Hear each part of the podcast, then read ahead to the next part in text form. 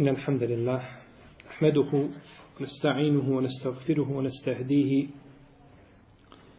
ونعوذ به من شرور أنفسنا ومن سيئات أعمالنا. من يهده الله تعالى فهو المهتد ومن يضلل فأولئك هم الخاسرون. وأشهد أن لا إله إلا الله وحده لا شريك له. وأشهد أن محمدا عبده ونبيه ورسوله. اللهم اجزه عنا خير ما جزيت نبيا عن أمته ورسولا عن دعوته ورسالته.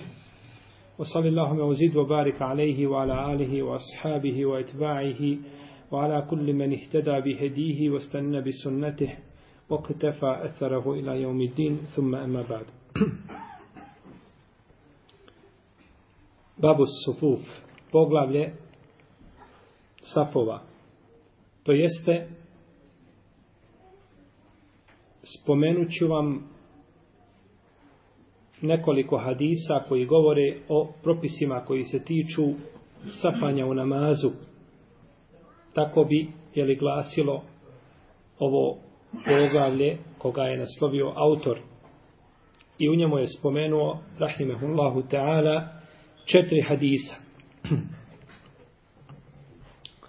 Anas ibn Malik radijallahu anhu kale, قال رسول الله صلى الله عليه وسلم سووا صفوفكم فإن تسوية الصف من تمام الصلاة kaže Enes ibn Malik da je poslanik sallallahu alejhi ve sellem rekao poravnavajte namaze u istinu je poravnavanje namaza od pot, poravnavajte safove u istinu je poravnavanje safova od potpunosti namaza U ome hadisu došla je naredba za poravnavanje safova, što znači da treba ispraviti saf i popuniti praznine u safu. I došla je naredba o popunjavanju praznina u safu u hadisu koga bideži ima muslim u svome sahihu od Džabira ibn Semura radijallahu anhu da je rekao izišao je jednog dana poslanik sallallahu alejhi ve selleme na namaz pa je rekao zar se nećete poredati u namaze kao zar se nećete poredati u safove kao što se redaju meleki pred svojim gospodarom? Pa su kazali ashabi Allahu poslanice a kako se to meleki safaju pred svojim gospodarom? Pa je rekao sallallahu alejhi ve selleme popunjavaju prve safove, potom ih ravnaju. I došlo je u hadisu kod Ebu Davuda koga prenosi Ibn Omer da je poslanik sallallahu alaihi sallam rekao poravnajte safove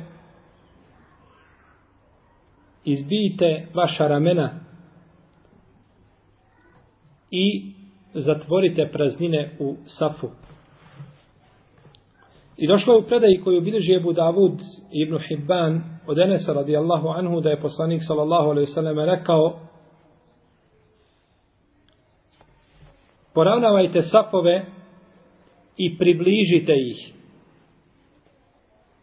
I poravnavajte vaša ramena. Tako mi Allaha ja vidim šeitana kako ulazi u praznine između safova.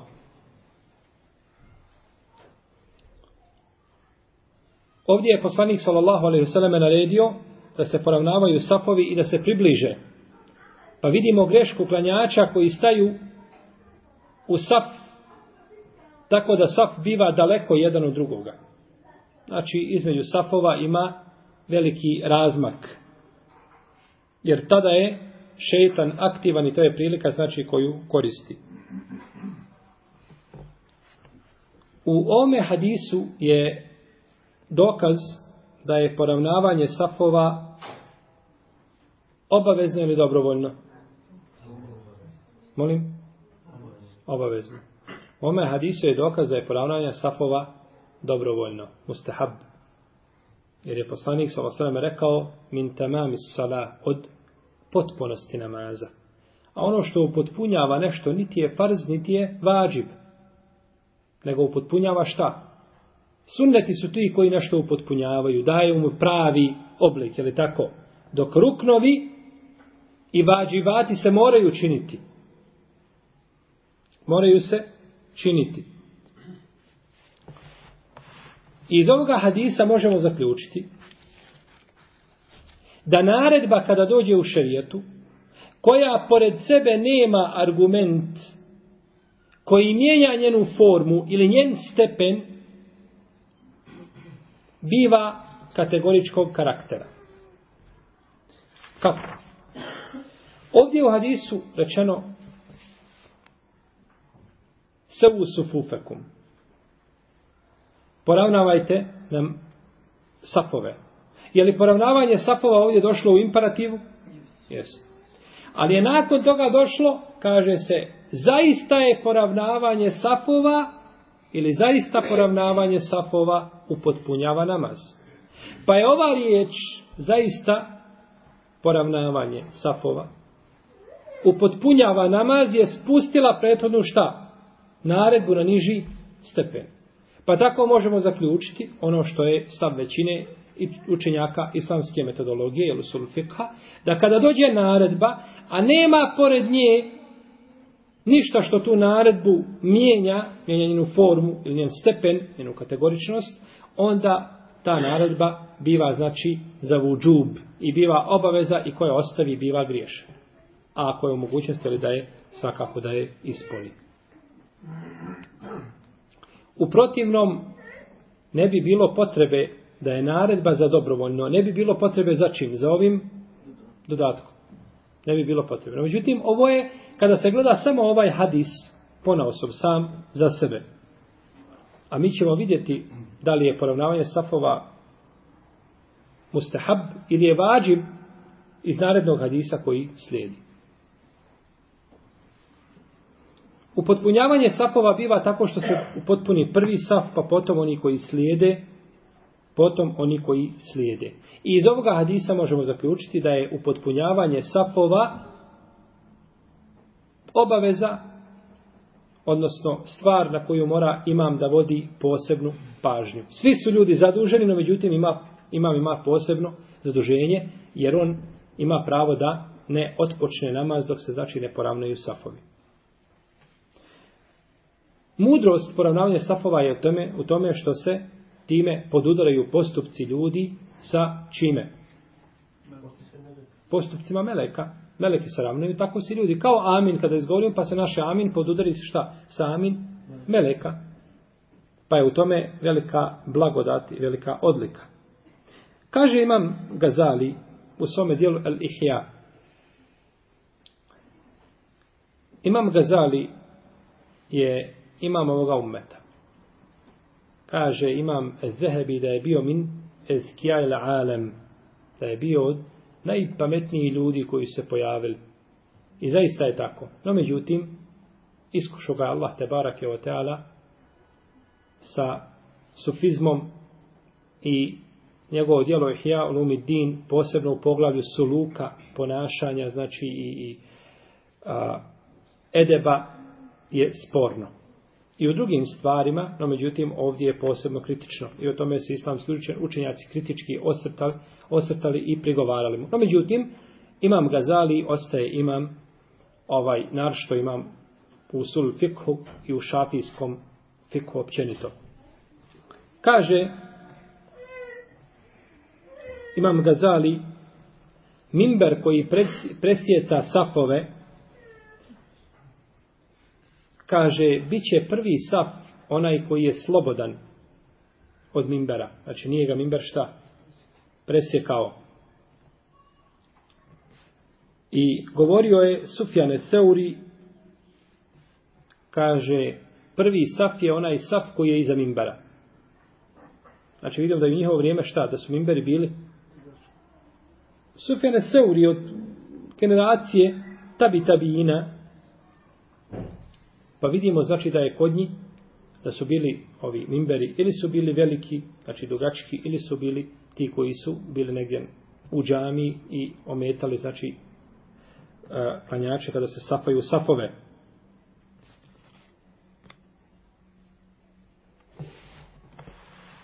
Kaže imame Neovi u svome komentaru na muslimov sahih.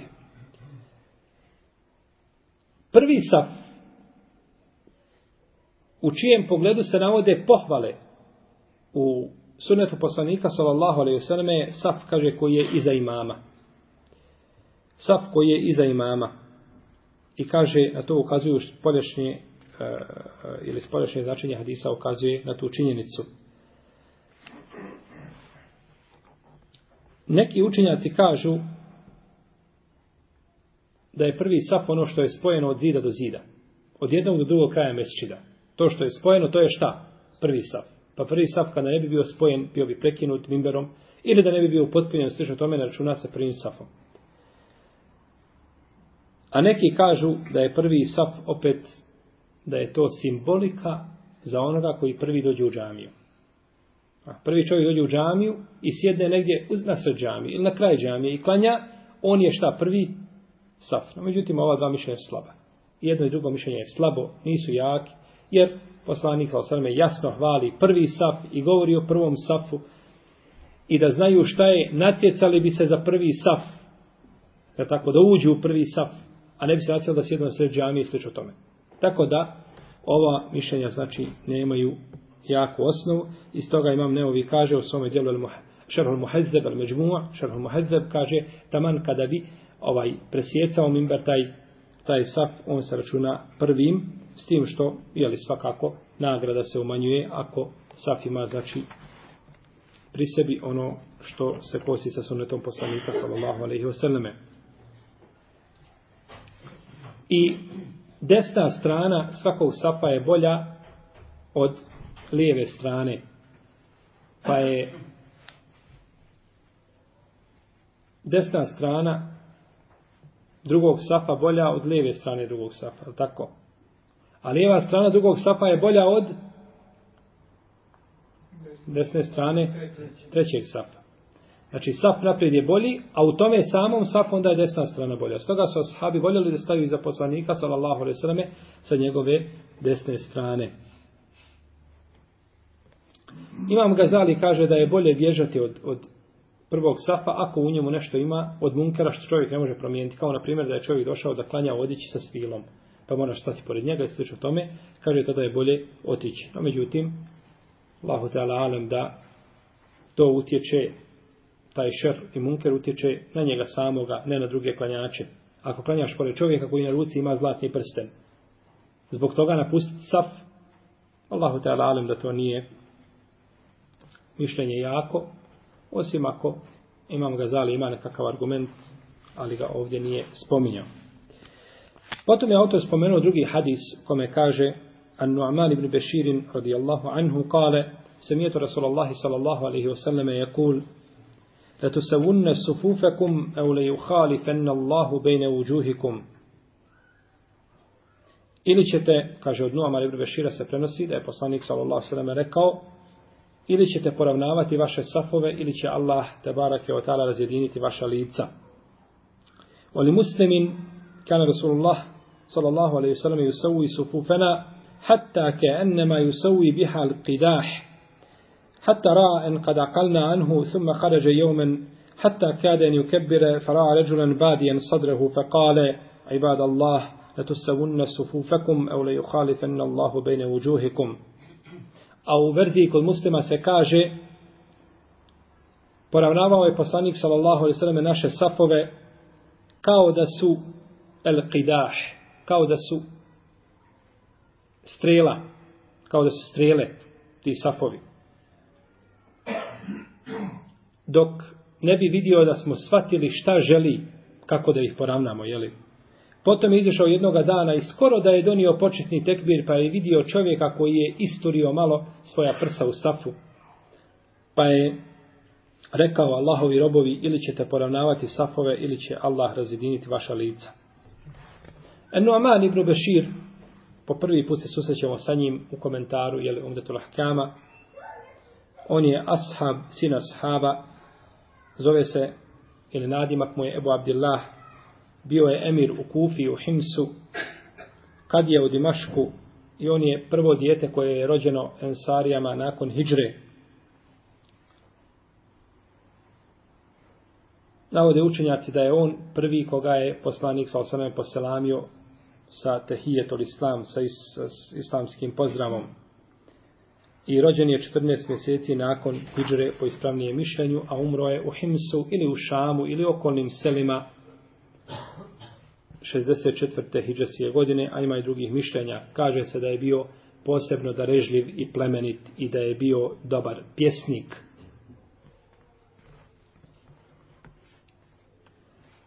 Ovdje u hadise kaže Fara ređulen badijen sadrahu, pa je vidio čovjeka koji je istorio svoja prsa. Ovo je mubhem, nepoznata osoba, nepoznato ime, za koga kaže Ibn Molekin, tražio sam dugo vremena ko je taj čovjek, pa ga nisam našao. Ko je taj čovjek koji je istorio? Kako bi znali ko je taj čovjek? Kako da dođemo do njegovog imena? Ko zna? Vratimo se nazad vrijeme ashaba i pitamo nekoga, jel? Kako ćemo znati ko je taj čovjek? Nikako. U redu. Znači, tražit ćemo druge predaje hadisa i verzije u kome se kaže i došao je, na primjer, Ibn Mes'ud i isturio svoja prsa u safu i rekao je poslanik sa osem toj. Možda ga je neko da sahaba u svojoj verziji šta?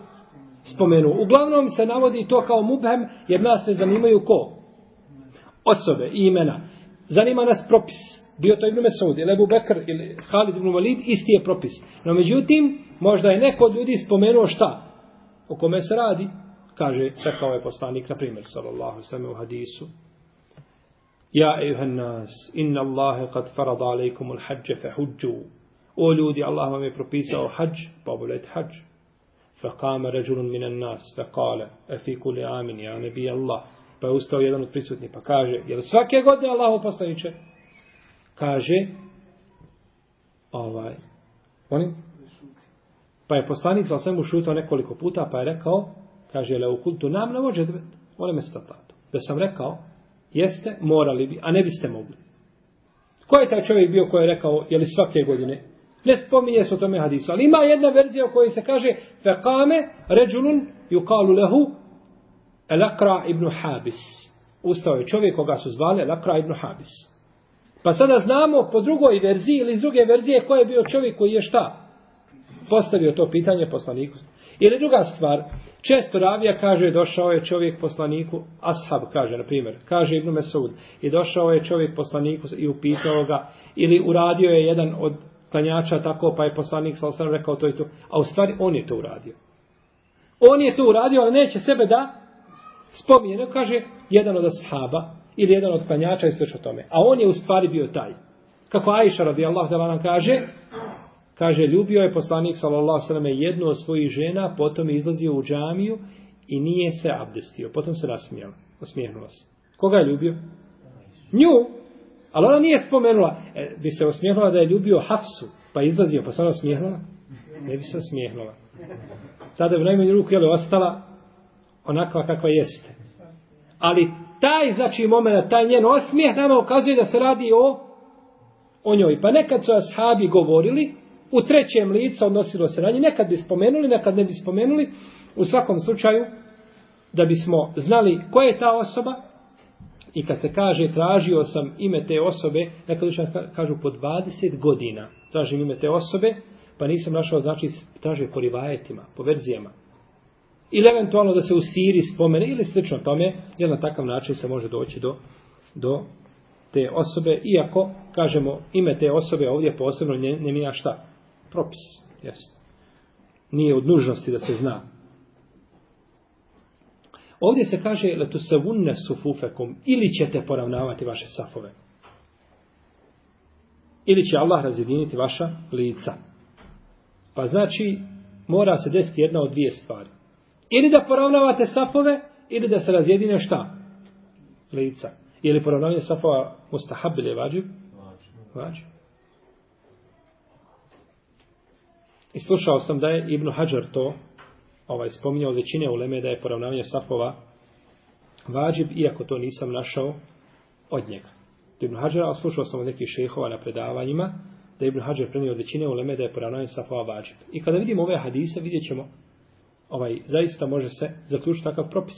I vidimo koliko je bitno da po određenoj temi skupimo više hadisa. Ne na osnovu jednog hadisa da sudimo. I to je ono što je kod fakiha izazvalo velika razilaženja. Fakihi navode argumente druge skupine koji kažu da je nešto vađib, kažu volena, a nama taj taj hadis iz koga se zaključuje šta da nije vađib. Pa sve to treba šta spojiti na jedno mjesto, pa onda izvući kakav propis, jeli? I tada će biti čovjek najbliži istini. Pa je uzimanje jednog argumenta, a ostavljanje drugog problematično. Mi smo govorili više puta koliko je obavezno poznavati jedan hadis u različitim verzijama, je li tako? A da ne govorimo koliko je obaveza poznavati različite hadise koji govore šta u jednoj tematici. To bez ikakve sumnje. To je još veća obaveza. Pa je, znači, nužno sakupiti te verzije i nakon toga tek donijeti propis. Ovo razjedinjavanje lica, kakve forme, kakvog je oblika, razilazeše islamski učenjaci, pa kažu neki Allah će te barak i otala promijeniti ih u lica, znači promijenit će njihov oblik, unakazit će ih, kao što došlo u hadisu Ebu Hurere, koga bi drže Buharija i Muslim, onaj ko diže glavu prije imama, da će mu uzvišeni Allah pretvoriti njegovu glavu u magareću glavu, u slabim verzijama u glavu psa ili u glavu šeitana i tako dalje, ali je poznato u magareću glavu. I to se desilo jedan put, znači u istoriji Islama, da se to znači desilo. Da je, jer čovjek koji radi suprotno sunnetu, ne, moga, ne, može, ne može ga zadesiti, znači nikakav hajr nikakvo dobro. U svakom slučaju, doćemo i do hadisa koji govori o tome. A neki kažu da je ovdje ciljano razjedinjenje lica ciljanje razjedinjavanje srca. I to je ispravno mišljenje. Znači da se time cilja na razjedinjavanje srca, jer je tako došlo u hadisu Ebu Davu da će razjediniti vaša srca. Pa jedan rivajet ili jedna verzija tefsiri šta? Drugu. Tefsire drugu.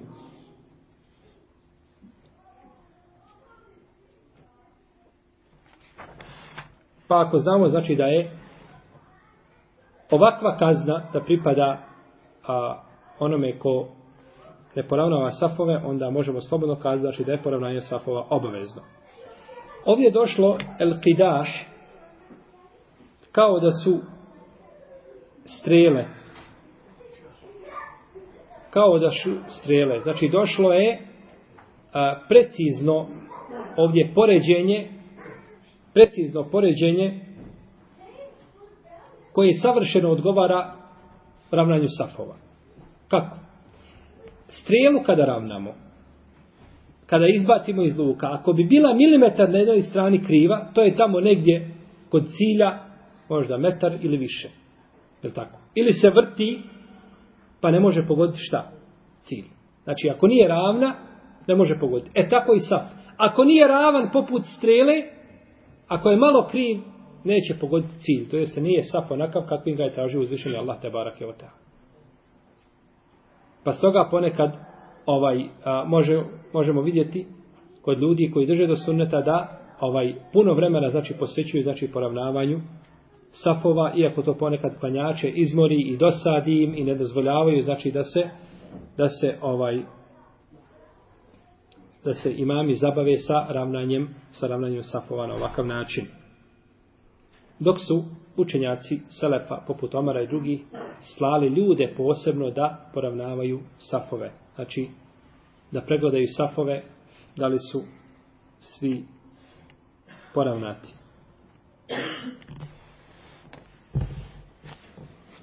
U ome hadisu je dokaz da je dozvoljeno imamu da priča nakon što se prouči i kamet.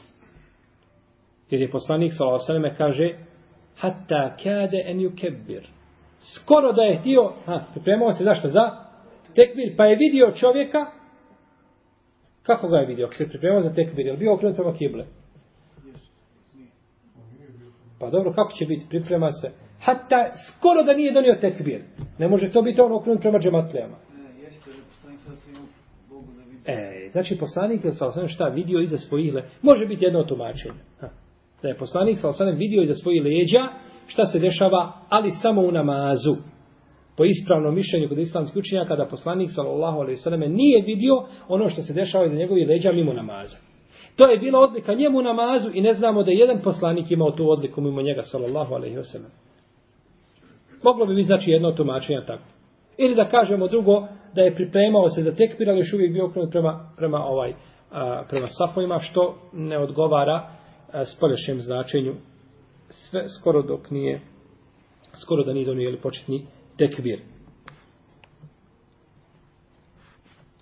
Pa je rekao šta? Ibad Allah. Zato znači, se unne sufufekum, e ule juhalifen Allahu bejne uđuhikum.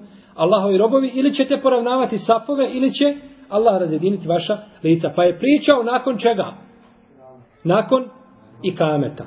Pa je pričao nakon i kameta. I ovo je stav džumhura uleme, da je dozvoljeno da se priča nakon ikameta, bilo da se radi, da je stvar koje se govori vezana za namaz ili mimo namaza.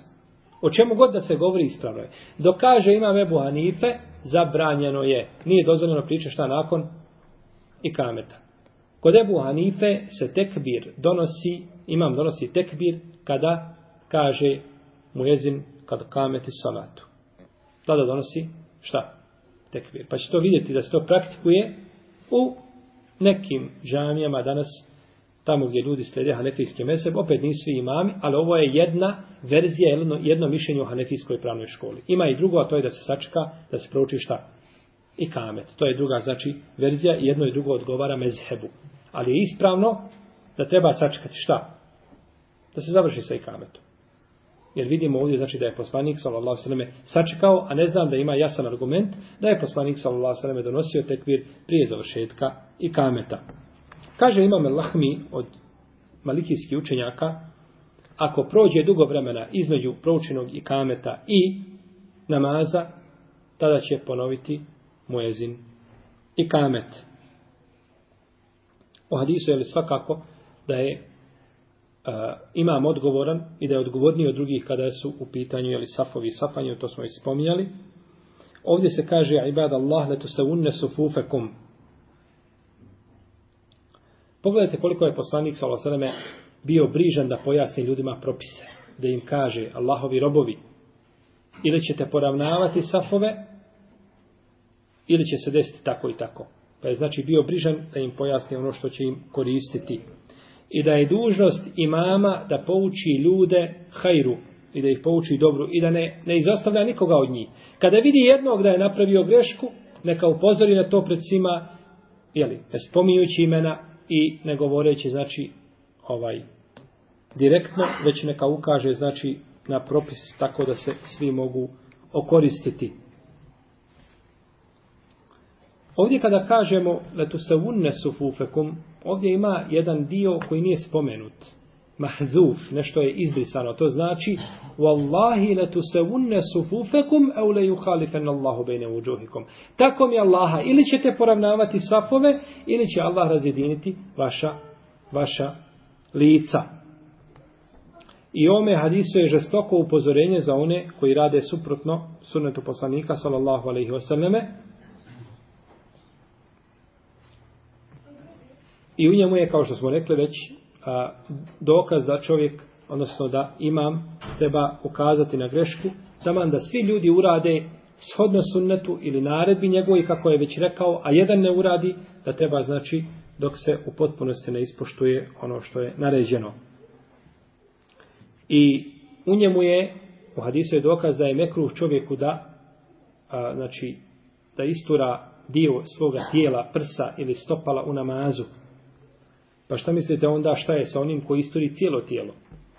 Stane čovjek u saf i sam štrči 15-20 cm mimo safa i ne pomjera se ni lijevo ni desno. I vidi ljude pored sebe, no međutim ne poravnava. Ako je samo isturanje prsa pogrdno, šta mislite onda kako je kada čovjek istori cijelo svoje tijelo? I u ome hadisu je isto dokaz da čovjek treba znači da ljudima govori nešto dok ne svate šta cilja onim što govori. Šta je dokaz za to? Zna li neko? Pa ima tamo dok nije, dok nije shvatio... Dok... Eh, dok nije shvatio šta želimo. Toliko nam je govorio, poravnaj dok ne shvati da smo mi razumjeli kako on to želi da mi poravnamo safove.